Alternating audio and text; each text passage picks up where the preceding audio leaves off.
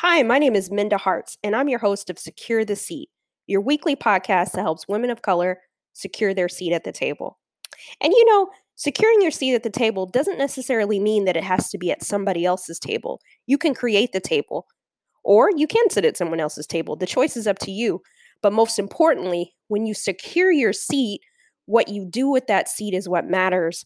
Just saying you have a seat at the table is not enough. Are you bringing other people specifically are you bringing other women and women of color with you? Are you advocating for yourself and for others? It's what you do with that seat that is your purpose. That creates opportunities for other people. Um, over the weekend i went to church. Shout out to the gathering at harlem. And pastor k he said your purpose should be solving problems for others. Let me say it again. Your purpose should be a problem solver for others. So, what you are meant to do in the world should solve problems for other people. Your passion is about you, but your passion could also fall into your purpose. So, for example, if you've listened to other episodes, you've heard me say that, you know, our role is to be impactful. And so, your purpose should not just be to serve you, it should be to serve others. And sometimes in that, we find our passion. And I'll be honest, like working in um, corporate America and nonprofit for so long, I thought I'd be one of those people that were on that track. I thought that was my purpose in the world and to be able to make enough money, pay my bills, enjoy living my quote unquote best life.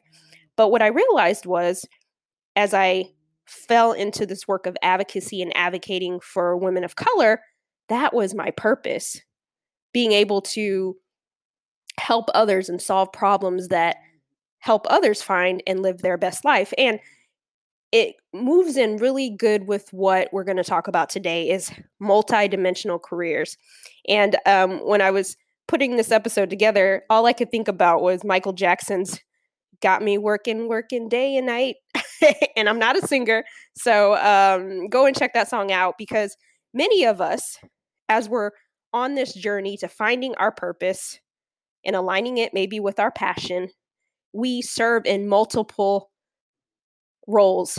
We hold multiple titles. We have multidimensional parts to our life. And I think about Oprah, for example. When she started her career, she was a host of a morning show in Chicago. And then through that, um, she became, you know, an author, public speaker, um, advocate, actress, owning of her own television network, etc., etc. We never say, "Oh, Oprah's working her day job," and then she goes to her night job. We just see her as one brand. She is Oprah, but she holds various titles. And our guest today has a really good outlook on how you do that. How who you are is not a day versus a night. It's all wrapped into one everything you do from nine to five leverages what you do from five and beyond. And so, whether we're working in the day or the night or the weekends, they can all tie in together. And so, um, I think it's important. And we talk about some women of color who do that really well. Uh, and I'd love for you to send me a message on Twitter at Minda Harts and let me know who are some other women that you think really do a great job of branding their multi-dimensional careers or titles. And so without further ado, I want to introduce you to Lauren Bealore. She's a really amazing young woman. I think, gosh, if I was her age, thinking the way that she thinks and moving the way that she does in this world, I'd be so much further along than I am right now. And I just love this next generation of women of color that are unapologetic to what they believe in and what they want in the world, and they're creating space for other women. And so I met Lauren uh, because we were both on a podcast called the Trailblazers Podcast with Stephen Hart. And so you can go check out our episodes there. Um, but Lauren is a political savant and an entrepreneurial opportunity maker. And so without further ado, I want to introduce you to Lauren as we talk about moving in this world uh, multidimensionally. Lauren, welcome to Secure the Seat. How are you? Good. How are you? I'm doing good. I'm so excited to have you. Yeah, thanks for having me. I know that we have connected for a while, so it's great that this could be a great conversation we could get started on. yes, yes, absolutely. And I gave a little bio um, before we got started, but is there anything that you'd like our audience to know about you? You want to give just a brief, like, elevator pitch for them? Sure. Well, you know, I I've kind of branded myself as political savant, entrepreneur, opportunity maker. And I think when we get in conversation, it'll explain more about why I think you can be multidimensional. But I love, love, love my career in politics um, and just having so much different experience in politics from local, state, and federal level. But I also have a passion for seeing statistics change, and that can't just be in politics. I have to take that, the resources that I have in politics and policy, and make sure that female entrepreneurs have those resources as well. So I think that's kind of like a perfect way to describe um, a perfect blend, and I think that's where YAB comes in. Awesome. So tell um, our listeners a little bit about YAB. So YAB stands for Young, Ambitious, and Beautiful. Um, it was started six years ago now, so 2012, and it literally kind of came from a conversation I had with a peer at a Coney Island, not like New York's Coney Island, but in Detroit, it's a place we go called Lafayette, Coney Island, and it's like such authentic Coney's.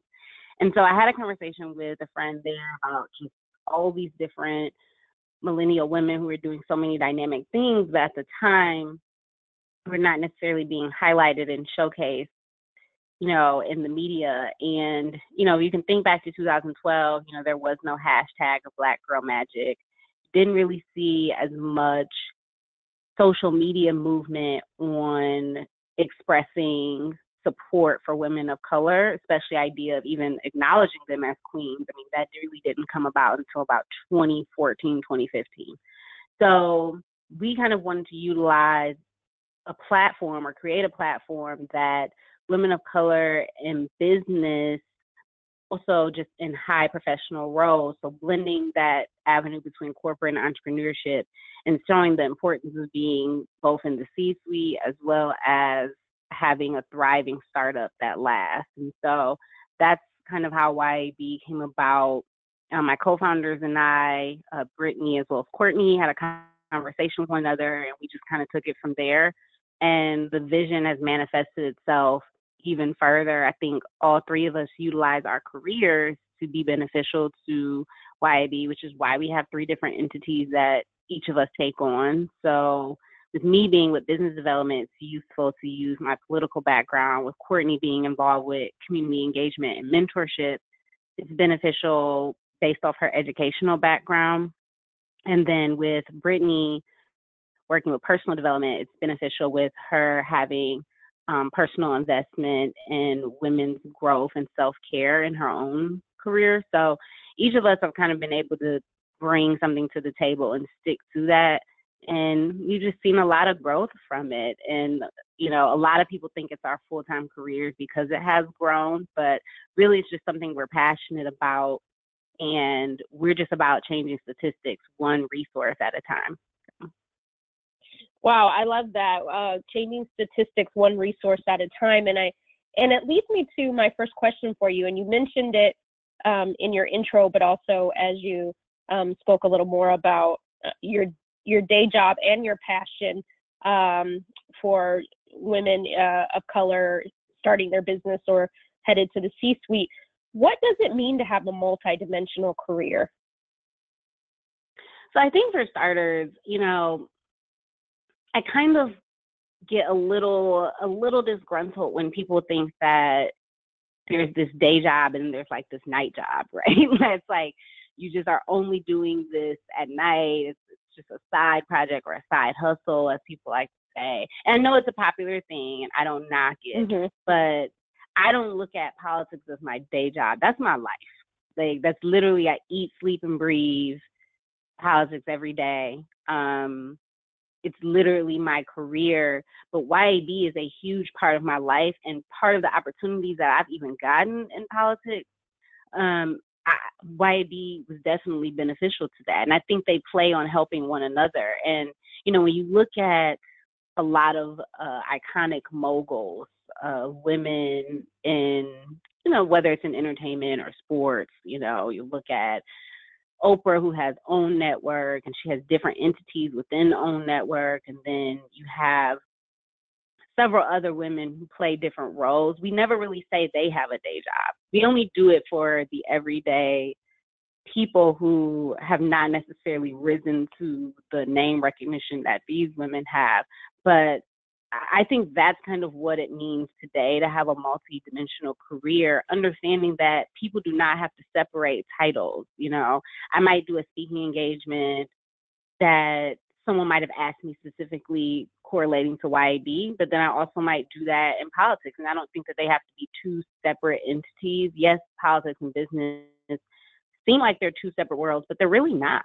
I mean, and I think that when we think of 45, because I refuse to say anything else, um, he's a businessman. So why does he get to have both titles and I don't? You know, and I just I think that's also something to consider when we're thinking of millennials and then when we're also thinking of millennials of color, we have to stop trying to categorize what direction our careers go in. If we have passion projects and we choose to be the best at everything that we do, then what I contribute to my role as a co-founder for YAB is just as important as what I contribute to my role in politics. And both are nine to five. Nothing gets shut off. So I think that that's kind of an important thing to note when looking at a multi-dimensional career in, in 2018 at least. No, I'm really glad that you set the record straight on that because I think our language is really important. You don't have to call it a side gig, you don't have to call it a, a night job or whatever. And I like the correlation between, you know, moguls and other um, people that we see in the media, how we never say that when Oprah had um, her Super Soul Sundays, right? And then she has OWN, and then she mm-hmm. has her book writing. We don't say, oh, that's just her side hustle, right? We we never say that. right. And it's like, well, I kind of want to be treated the same way. I love it. I love it. That's really good. And and so that okay, so we have that now because you do have multiple titles. How important is branding to building a long-standing career when you have those multi-dimensional um, titles. So I do think it's really important, and I think it's something that I'm kind of addressing now, transitioning to the second phase of my career. You know, I'm still in my 20s, but I'm almost there, really tapping on 30. and as I go to that next level of my career, there has to be clear distinctions of roles and how I've been approaching my branding, which is why now with uh, working on a website revamp to really make it more clear that you know my career is in politics and policy, but I do have YAB that I really care about, and I think a, a one person that I feel like does a really good job of that that I've seen recently, a couple of people actually. One would be Cari Champion from ESPN. Um, oh yeah. She, yeah, I looked at her website and you know she's an ESPN host, but she has created a foundation and it means a lot to her. And it's it's truly a passion project that has, has grown above and beyond. Um, another individual that does that very well with branding, I would say, is Valeisha Butterfield.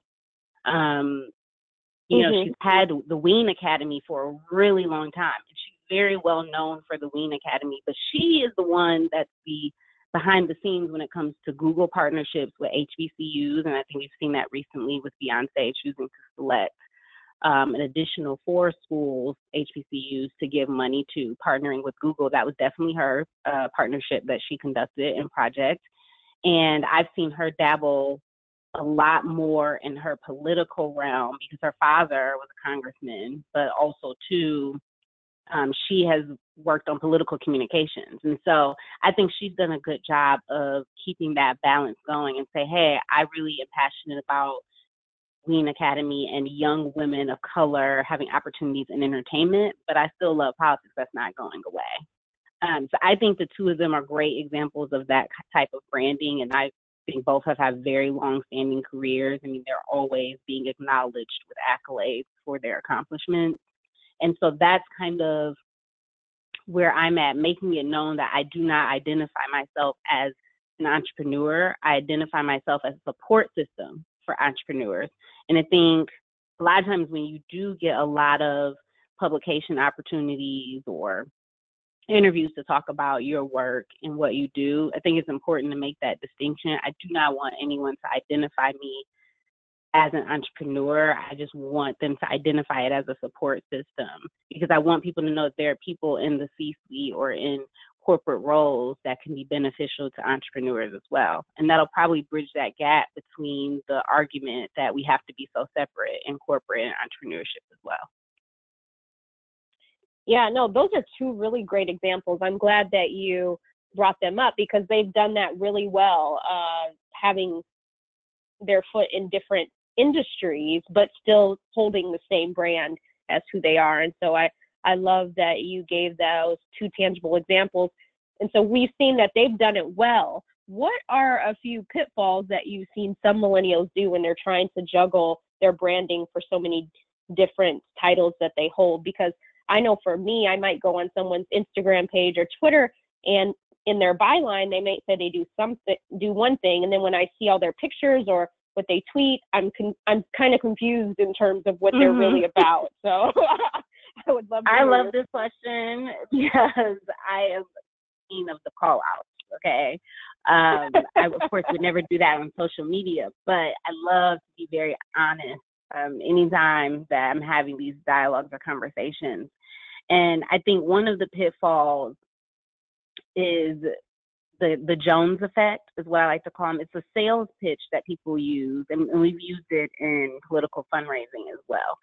And the Jones effect is this idea of always keeping up with the Joneses. And people use it to pitch other individuals. And I think that it's being used by millennials. I think that millennials have this idea of keeping up with the next person. So it's like, you know, let me have a photo shoot and not explain why. Um, you know, let me have multiple titles, not knowing what a, a CEO or a COO or a founder or a co-founder actually means, because you know I'm huge on words mean things. Um, and I think also too, what we're seeing is that we're getting in comfortable states of being a jack of all trade but a master of none. It's very easy to do in you know this very microwavable society because people don't feel the need to ask questions. And mm-hmm. I'm still pretty old school. I like to ask questions. It's like, well, you know, I understand you have this website, but I just need to see the results. Like, if you do PR, how many clients have you built out nationally? What national press have you gotten individuals? If you, you know, are are someone that does graphic design, well, then what is your clientele base? You know, has this actually gone into advertising? Has it gone into press? I just need to see some tangible results and I can't keep seeing the same results. And I think that that's a key factor into why we see so many pitfalls because people people want to have ownership. I think especially when you're talking about millennials of color and the amount of schooling we had to go through, the amount of ostracism that we see from the media of our communities, the amount of stress of feeling like you're the only one in environments where you are not in leadership roles. I think sometimes we like to feel like we have something to call our own. And I think that's a generational problem that we experience within our community, but um, especially the Black community. But I think that it could sometimes lend to being problematic when you have something to call your own, but what does it really mean? And I think that that something that needs to be addressed when it comes to having a multidimensional career. There's nothing wrong with starting something of your own. But when you start it, think about what demographic it's going to impact. Think about what your target audience is. Think about if it already exists and you could just go out and support someone else. I mean, I really think we should start considering that instead of yeah, absolutely. having 15 different versions of the same girls mentor group or, you know, you know, 10 different versions of, you know, a young professionals network. Can we just support the ones that already exist and then maybe give them some more leverage? And yeah. I think that's just really key, you know, unless there's so many things that could be invented. And if we even take the tech industry, for instance, which we're still not that tapped into yet, um, and you look at how many tech gurus took the time to say, you know, I'm going to look at what we're missing in social media and I'm going to create it. So you had Facebook and then you had Twitter and you had Vine. They didn't last that long, sorry for them, but you know, they at least existed. And then you had Instagram and now Snapchat. So someone took the time to say there were still things missing from a platform that existed and I think that's something that we're missing from individuals that love titles but not the work behind the titles. It's that you're not seeing people create things that weren't in existence. So they'd rather say, well, I have my own thing. And, you know, it's very easy to pick up a story in Huffington Post or Blavity or anything of that nature if it sounds really good. You know, if it's popular right now, hey, this organization just created something. This is some positive black news. And I think that's great. But after a while, what does it really mean to even have that? You know, it's like we have to really tap into the innovative part, which is something that I think I'm I haven't necessarily always seen um, with some of the titles that I come across a lot on social media. So if that answers your question, I think that definitely, you know, is something that we should consider because um, we're still not making these lists and we're still not, you know, tapping into uh, this accumulation of wealth that we indeed deserve. And I think Absolutely. that to, you know, if we want to have these multidimensional titles and careers, then you need to look at how we're going to foundationally get there so yeah, I think um, going back to being innovators, you know, it's it's one thing to create platforms that may or may not exist, but how do we innovate? And I think that um, we can spend some time with ourselves and figure out what those steps take, and and maybe pause on the next photo shoot, right? So it really work that out. So um, so that's good.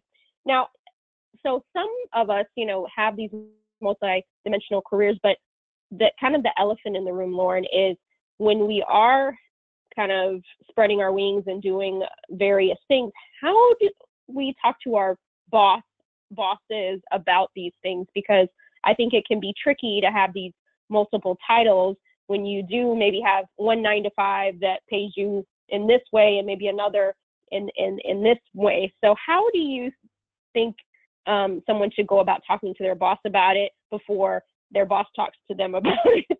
I think that's important to talk about. so, so this is a great question.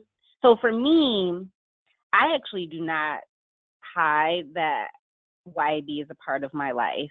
Um, it's on my resume, so I use it as a really a bonus addition to your organization that I have networks that other people don't.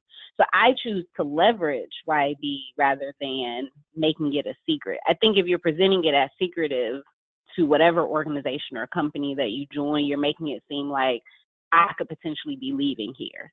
Whereas I'm not, I choose not to present it in that way. I'm presenting it as, hey, I created this on my own with two other women and it's a great addition to not only my life but my career. It could also be beneficial to you, kind of thing.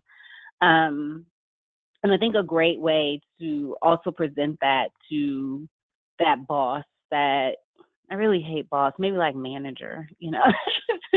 I know supervisor using boss. it's like it's so funny because I've had people say that even people that I work for, they do not like me to refer to them as my boss, and I love it. I'm like, yeah, it's great to just call you my manager or whatever, someone I have to check in with, you know. But I don't know. Some people may have uh, old school uh, bosses, um, but you know, if you do have to to go to that individual and have that conversation, I think including that in your interview could be beneficial. Now, if you are making money from that, that's a little different because I feel like with some people who are are entrepreneurs themselves and they're presenting a product or a service and they really would prefer that be their main job and not what they're doing.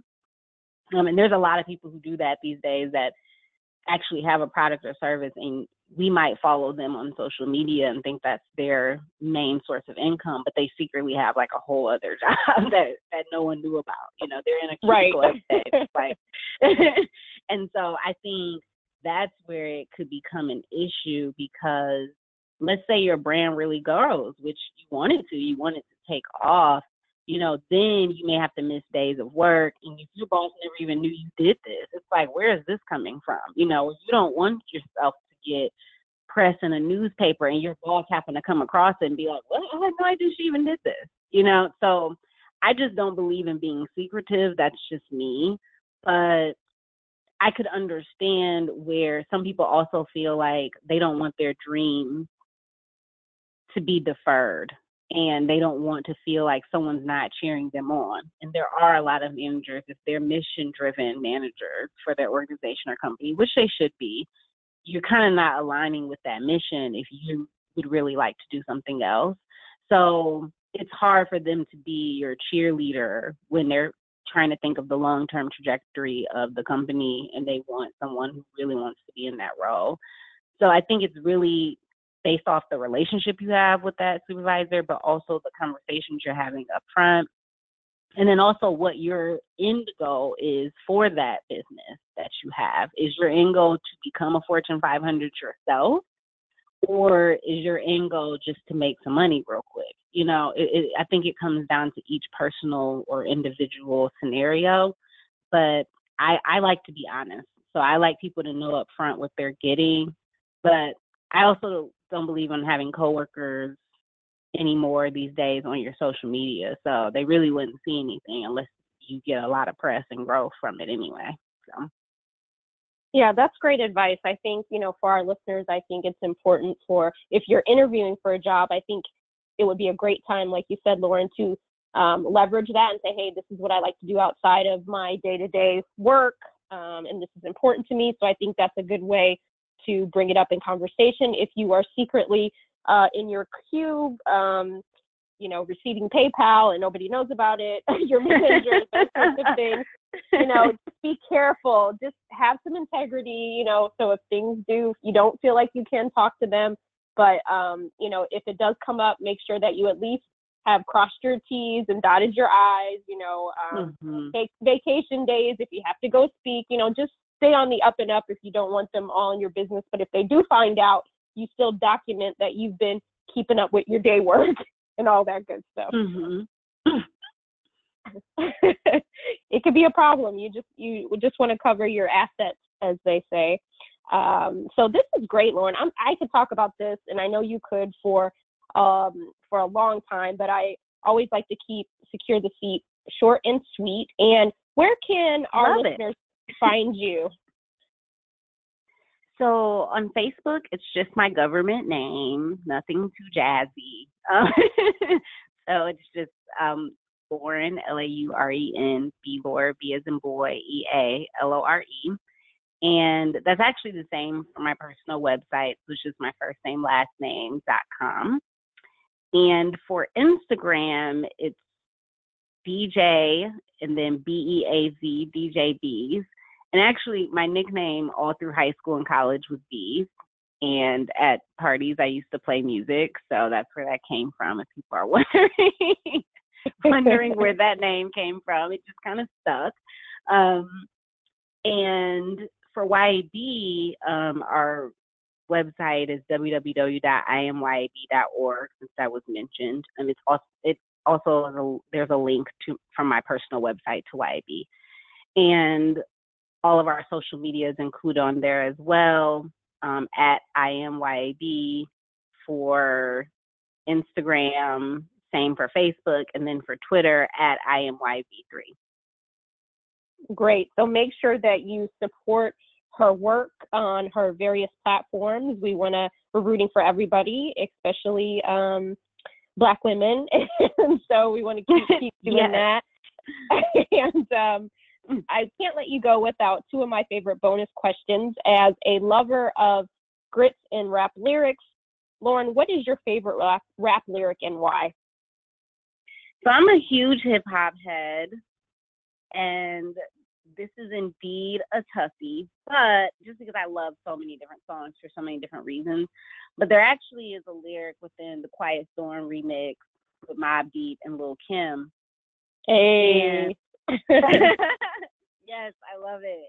And I like Lil Kim's verse where she says, um, my Brooklyn style speak for itself, like a wrestler under notch under my belt the embezzler, chrome treasurer, the UNO competitor. I'm 10 steps ahead of you.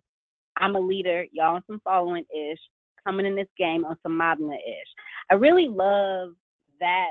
Like every time it comes on, I just go so hard and I get into my Brooklyn accent. when it comes on, I try to read it professionally, but um, I really, really like that lyric. One, because it kind of states that she's always thinking even when you try to come with something she's always thinking 10 steps ahead and i'm one of those people. I'm a planner i'm also type a. So all of those things combined i am always thinking about my life and my future strategically 10 steps ahead of what the end result may even be and i really liked how she kind of included that she does her own thing and with her own style. And I think in an age and day where, you know, a lot of people have very similar platforms and how they present themselves. I am not going to sit here and knock Instagram models because I think everyone should get their coins. But I am not going to say that. I think that's what she was referring to, um, just for a different time period. But I'm not going to knock that but I will say that in a time where a lot of that is is really more popular, it's really nice when you can refer back to lyrics where, you know, bringing leadership to anything and, and a genuine tenacity will get you much further in life because you stand out. And so that's really why I chose that that set of lyrics. oh yeah, you get bonus points for anything um, with Little Kim in it. So good call, and and that is good. I really really like that life lessons. Um, and the podcast is called Secure the Seat. What does secure the seat mean to you? So honestly, when I first heard that you were even coming up with this podcast and I, I saw it come across my timeline, I immediately thought secure the bag. Like I was like, yes, secure that seat and that bag and that table. Um, when I think of securing the seat, I think is making sure that you are creating a foundation for your platform. So it's almost like securing your voice in, in whatever industry or profession that you are choosing. I feel like when you secured that seat, you secured a position to have your voice be heard so that maybe others that are representatives of the unheard can feel like they have someone to look to. That's what I think of when I think of securing the seat. Um, it's just making sure you have a platform that enables you to lift as you climb. And so that's kind of how I see see that that that tagline for for your podcast. awesome, awesome. I love it. This has been so good. Thank you again for being with me tonight and having this conversation. I can't wait for our listeners to, to chime in. So make sure that you find Lauren across all those platforms and hashtag secure the seat. And um, just for nostalgia's sake, make sure you go and listen to the Quiet Storm uh, remix. yes. all right, Lauren, Be motivated. Yeah. All right. Thank you so much. Well, I hope you enjoyed that episode. I really did. Uh, make sure that you go check out Lauren at um, laurenbealore.com and iamyab.org. She is on the internets all over. So make sure that you let her know how much you appreciated this and support the work that she's doing because we need to invest and support in the next generation so that they have the tools and resources to be successful with our support. It's important that we do that. And so, again, thank you for rocking with me on Secure the Seat. If you love what we're doing, and what I'm talking about with my guests, please go to Apple Podcasts and rate me. so that others can find us uh, because it's as I secure my seat, I can't hold all the resources. I have to disseminate the information. And we can do that together by giving the ratings so that others find us and that they understand how they can move through and not skin their knees as bad as some of us did along the way. Uh, we can talk about these lessons learned. So go to the show notes, mindaharts.com, and you can also uh, find ways to connect with Lauren and myself. You can find me on Instagram, Twitter, across all platforms, Minda Harts. And again, you could listen to any other podcast and you chose Secure the Seat. And um, you're awesome. Have a great day, and we'll see you again next week, next Wednesday to be exact. And if you haven't checked out previous episodes, they're all short and sweet. So I would encourage you to do that. All right, take care.